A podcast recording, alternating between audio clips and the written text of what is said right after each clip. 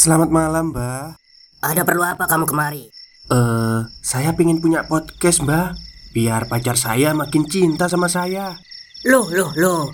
Mau bikin podcast kok tanya dukun? Sekarang kamu download aplikasi Anchor.fm. Di situ kamu bisa buat podcast gratis dan podcast kamu bisa didistribusikan ke platform mana pun. Dan di aplikasi atau website Anchor.fm juga terdapat fitur-fitur yang memudahkan kamu untuk membuat podcast. Oh, gitu ya, Mbak. Kalau gitu, saya boleh minta password wifi-nya, Mbak. Buat apa? Buat download Anchor.fm, Mbak.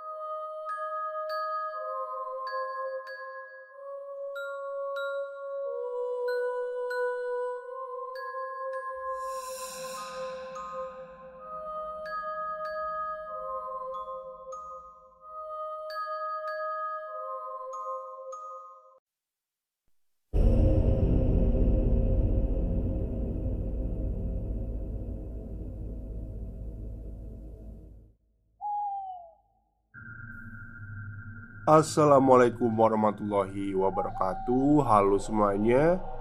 Jumpa lagi dengan saya Chow Sing Sing Kurator dari podcast Horror Night Story. Halo Apa kabar semuanya? Semoga kalian semua sehat-sehat ya. Dan seperti biasanya pada siang hari ini Saya kembali dan akan menghadirkan sebuah kisah mistis untuk kalian semua Kisah mistis kali ini saya dapatkan dari cerita horornya Mas Indrawan yang sudah lama ya tidak menulis ya. Akhirnya kemarin malam sudah nulis lagi cerita horor dan cerita horor ini juga nantinya akan disamarkan semua nama dan lokasi kejadian. Oke. Daripada kita berlama-lama, mari kita simak ceritanya. Malam sob. Lama juga Ani vakum dari menulis. Dan kebetulan Pengen posting cerita lagi. Semoga kalian suka dengan kisahnya. Nama tokoh dan lokasi kejadian kayak biasa Akan disamarkan demi kenyamanan bersama Mulanya, Victor dan aku sama-sama bekerja di suatu tempat pangkas rambut. Di tahun pertama buka, tempat usaha itu sudah cukup ramai dengan pelanggan. Karena selain mematok ongkos yang murah, pelayanan yang kami berikan pun boleh dibilang sangat memuaskan dibanding dengan tempat lain yang serupa. Pemasukan yang melimpah membuat bos kami yang terkenal pelit senyum-senyum setiap saat. Jika si bos mukanya selalu tersenyum ceria, lain halnya dengan Victor. Wajahnya tertekuk masam melihat si bos yang dia nilai tidak mau peduli dengan keadaan karyawannya. Victor mengeluh perihal gaji yang dibayarkan terlalu rendah untuk tempat usaha yang sudah semakin maju ini. Apalagi si bos memang pernah berjanji akan memberikan bonus bila pelanggan ramai. Namun, nyatanya janji tinggal janji. Bonus yang diiming-imingkan ke kami tersebut hilang kabarnya. Yang bikin menambah emosi, terpaksa aku dan Victor harus kerja ekstra keras karena karyawan yang ada hanya kami berdua. Parahnya lagi, si bos tetap enggan untuk merekrut karyawan lain, padahal pelanggan sudah membludak. Victor habis kesabaran. Ia pun menuntut haknya yang pernah dijanjikan oleh si bos. Tapi memang dasarnya bos kami hatinya terbuat dari batu semua yang dikeluhkan oleh Victor hanya dilepeh begitu saja. Akhirnya, Victor capek sendiri dan memilih untuk resign. Ia juga sempat mengajakku, namun karena situasi yang tidak memungkinkan, aku belum siap untuk berhenti kerja sekarang. Dan Victor pun pergi. Sekitar enam bulan kemudian, Victor menghubungiku dari info yang ia sampaikan, alih-alih bekerja di tempat lain, kini ia malah membuka tempat pangkas rambut sendiri. Selaku teman yang baik, tentu aku turut senang dengan kabar baik ini.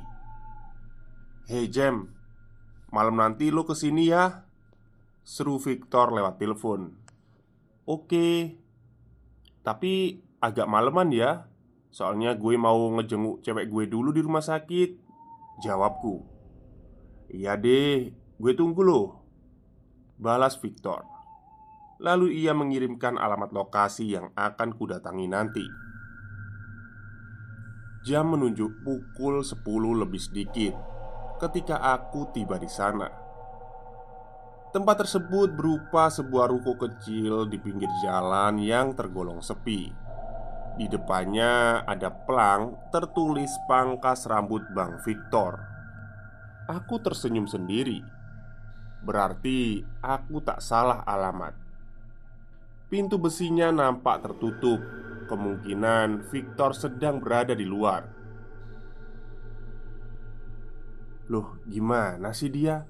Katanya sudah nungguin Gumamku Saat hendak menelpon Victor Kulihat pintu besi itu tak sepenuhnya tertutup rapat Masih ada sedikit celah yang membuatku bisa mengintip bagian dalam ruko itu Lampunya menyala sebagian, tapi tak kelihatan siapa pun di situ. Kuduga Victor mungkin hanya keluar sebentar saja, sehingga pintu tak ditutupnya dengan rapat. Ketimbang menunggu sendirian di luar, aku memutuskan untuk langsung masuk saja ke dalam. Isi di dalam ruangan itu termasuk sedikit, ukurannya juga terlalu ngepas untuk memuat barang-barang sebanyak. Hanya ada satu kursi tempat pemotong rambut langganan di depan kursi tadi terdapat sebuah meja yang di atasnya tertata berbagai macam keperluan memangkas. Selain beberapa cermin di dinding, ada juga poster besar dengan macam-macam model potongan rambut untuk mempercantik ruangan. Tertempel pula hiasan-hiasan yang keren di dindingnya. Terakhir, ada sebuah TV tabung model lama berukuran cukup besar terparkir di pojok ruangan. Wow, lumayan juga nih tempatnya. Gumamku kagum. Puas melihat-lihat, aku memilih untuk duduk di kursi plastik yang tersedia. Ku coba lagi untuk menghubungi Victor. Namun, setelah berkali-kali masih saja tidak aktif. Aduh, ke mana ya tuh orang? Pikirku heran. Loh, Jamie, kapan lo sampai? Sapa Victor yang tahu-tahu muncul di depanku. Aku sedikit terperanjat. Ah, lo malah ngagetin gua aja, Vic. Gerutuku. Dari mana sih lo?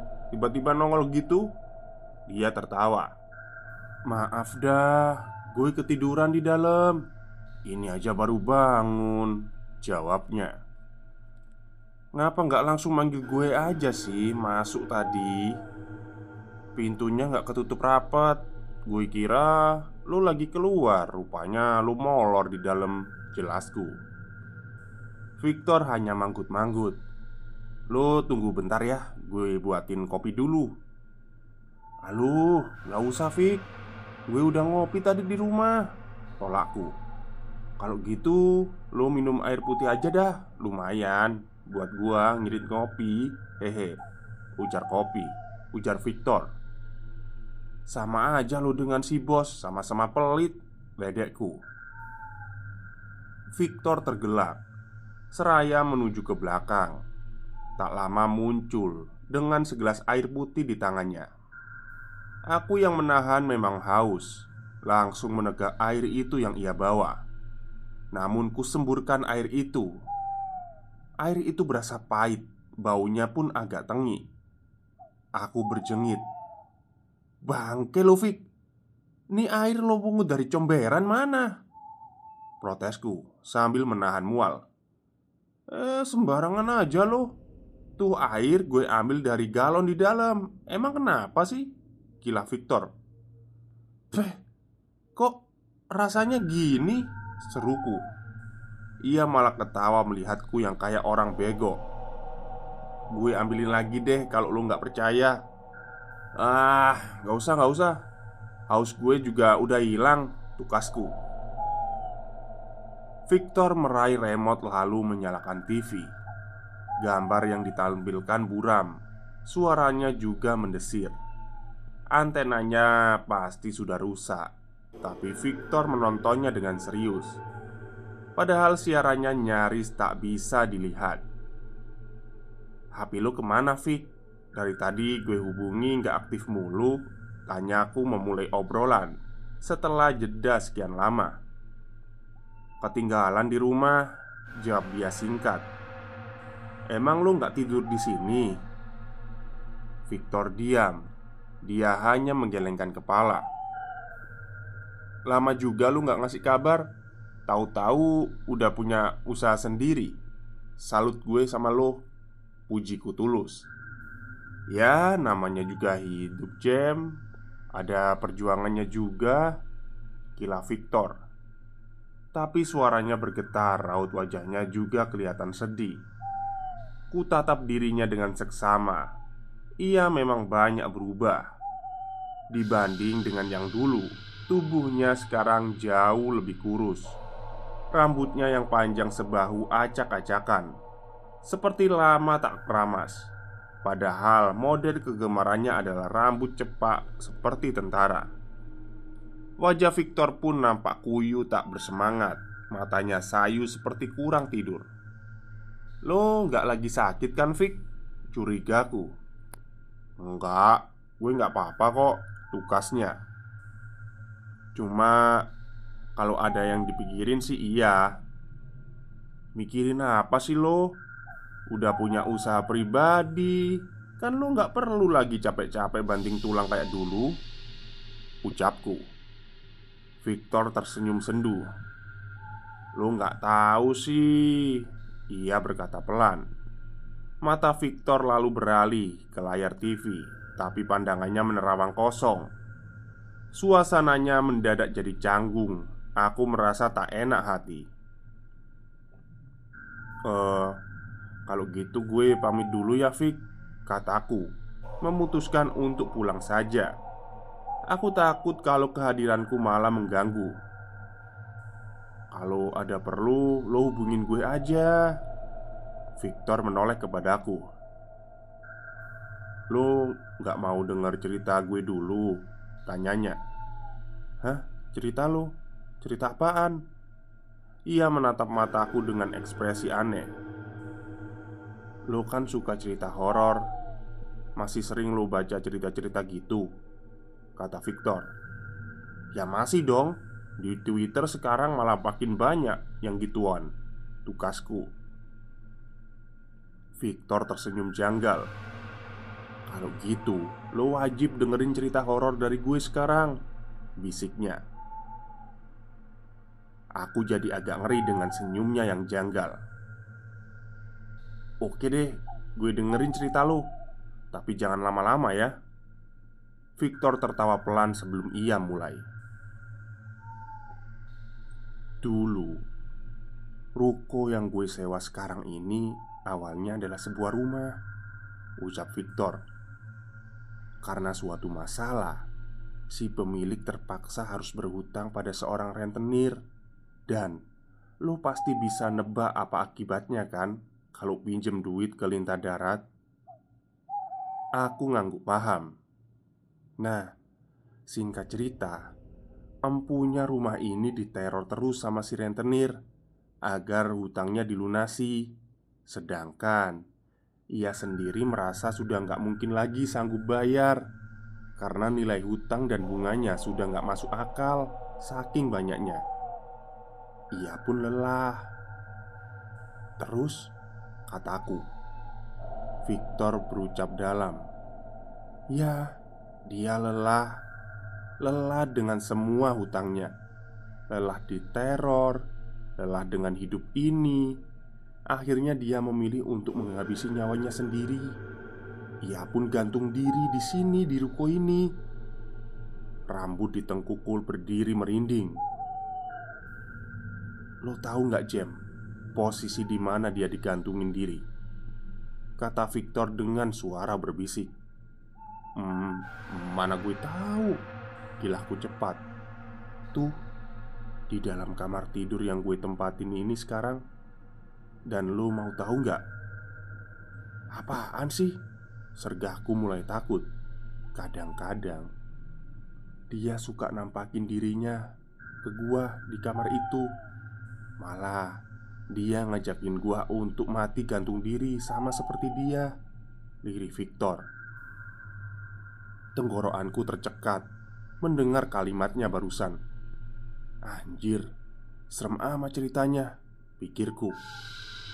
Alah Bercanda aja lo Lu kira gue bakal percaya dengan dongeng macam gitu? Aku mengolok. Victor tersenyum penuh arti Mau percaya atau enggak itu terserah lo Lalu ia beranjak masuk ke dalam. Eh, mau ke mana lo? Panggilku. Tapi ia tak mendengar. Malahan melengos pergi. Mungkin ia mau ke toilet. Aku menghela nafas. Sialan Gumamku. Datang jauh-jauh ke sini bukannya disuguhi makan atau apa Malah dijejali cerita horor yang gak jelas. Sebenarnya ia tak pernah bertingkah aneh sebelum ini. Bisa jadi ia sedang banyak pikiran Sehingga bicaranya agak ngelantur begitu dugaku. Tapi hampir 30 menit berlalu Victor tak kunjung keluar dari dalam ruangan. Masa iya? Ia tertidur Kan lagi ada tamu Pikirku Aku jadi risau sendiri Padahal aku sudah ingin pulang. Lalu kuputuskan untuk menghampirinya Daripada harus menunggu lama-lama. Ruang tengah yang kumasuki kosong dan pintu kamar mandi yang ada di situ posisinya terbuka. Tak kelihatan batang hidung Victor di sana. Sedangkan Pintu kamar tertutup rapat. Terdengar suara-suara samar dari dalamnya Ku ketuk pintu tersebut sambil memanggil-manggil Victor. Vic, Vic, lo di dalam ya? Gue mau cabut duluan nih. Ada yang menyaut. Stop, stop. Kita break sebentar. Jadi gimana? Kalian pengen punya podcast seperti saya? Jangan pakai dukun Pakai Anchor. Download sekarang juga. Gratis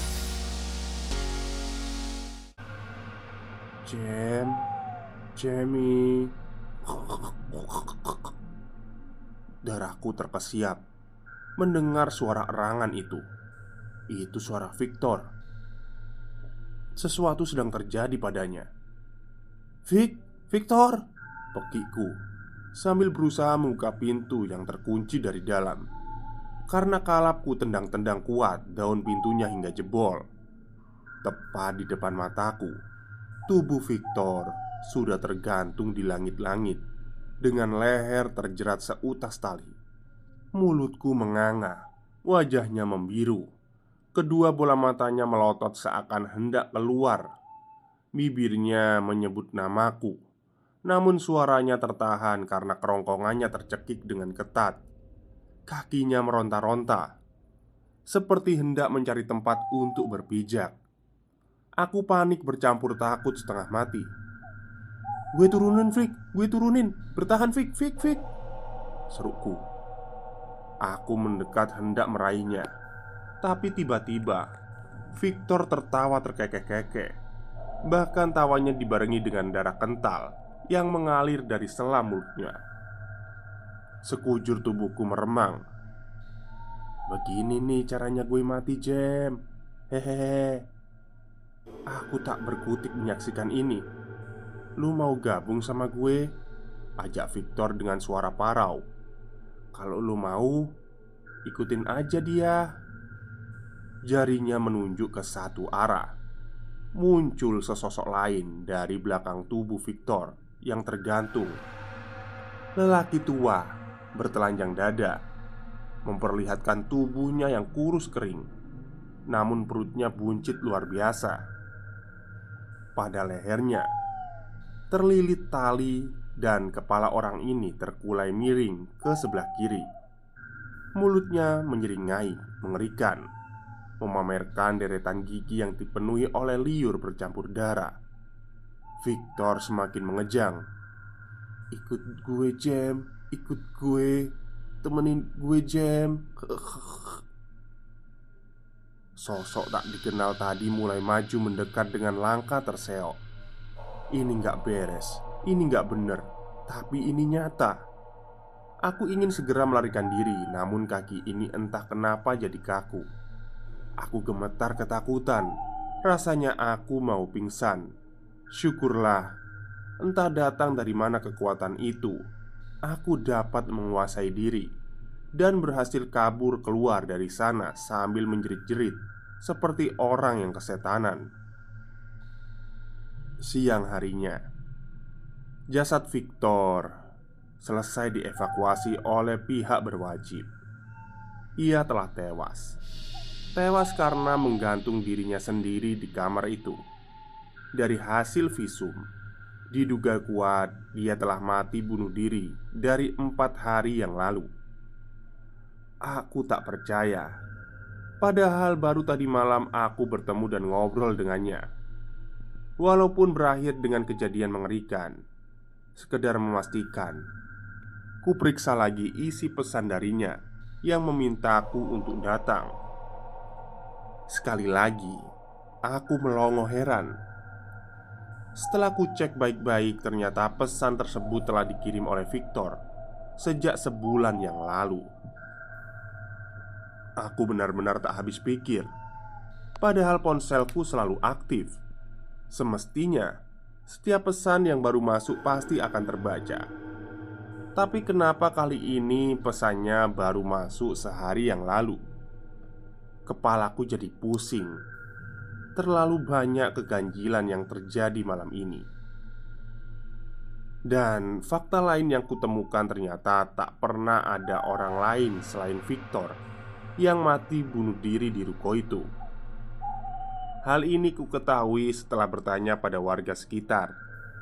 Entah dari mana Victor mendapat cerita itu, atau mungkin diakibatkan kadar depresinya yang begitu tinggi, sehingga otaknya berhalusinasi sedemikian rupa. Dan kisah tragis yang ia kemukakan semalam Kupastikan adalah kisah tentang dirinya sendiri Kasihan Victor Ia pasti tak punya teman untuk berkeluh kesah Aku maklum karena secara pribadi Victor orangnya sangat tertutup. Lagi pula ia memang sulit untuk bergaul dengan orang lain. Ia terlalu minder. Hanya bermodal semangat dan nekat, ia mampu bertahan. Namun sayang, ia gagal. Perjuangannya harus berhenti, dan ia lebih memilih untuk bunuh diri. Aku terisak menangisi kepergiannya. Selamat tinggal, kawan. Semoga engkau damai di sana. Konon katanya, seseorang yang mati dengan cara yang tak wajar, maka arwahnya akan bergentayangan di dunia. Menurut pengakuan masyarakat yang tinggal di sekitar ruko itu, sosok mirip Victor sering menampakkan diri di wilayah itu. Biasanya, ia terlihat di depan toko dengan posisi berdiri sambil memiringkan kepala. Pernah juga ada yang melihat ia mondar-mandir di jalan pada malam-malam tertentu. Banyak warga yang mengeluh karena rumah mereka jadi sering diketuk oleh sosok tak kasat mata itu. Tak jarang, warga setempat selalu mendengar sosok itu menangis dari luar rumah mereka. Beberapa kali Victor mendatangiku lewat mimpi. Kondisinya sangat mengenaskan, persis seperti yang kulihat pada malam itu. Victor yang malang, ia pasti tak tenang di alam sana. Oh ya, jika setelah selesai membaca kisah ini, lalu kalian mendengar ada suara tangisan di luar sana, sebaiknya kalian ajukan saja. Aku takut itu adalah Victor yang datang untuk mengajak kalian supaya mau menemaninya. Dan perhatikan juga sekeliling kalian. Siapa tahu dia telah berada di dalam kamar tengah, memperhatikan kalian dari sudut ruangan. Sama seperti yang aku alami saat ia menemuiku. Sekarang, coba lihat sebelah kiri dan kanan kalian. Selesai. Sekian untuk cerita pada malam hari ini. Semoga kalian suka dan terhibur dengan kisahnya. Sampai jumpa lagi di treat aneh berikutnya. Good night and sleep tight. Oke, itulah kisah singkat dari Mas Indrawan tentang pangkas rambut. Cukup menyeramkan juga ya. Dan Mas Indrawan ini sebenarnya udah saya tunggu loh. Udah lama nggak nulis ini. Dan akhirnya nulis lagi. Untuk yang mendengarkan cerita saya pada malam hari ini Silahkan follow Twitternya Mas Indrawan Biar lebih semangat lagi ya menulisnya. Baik mungkin itu saja cerita untuk siang hari ini. Semoga kalian suka. Selamat siang dan selamat beristirahat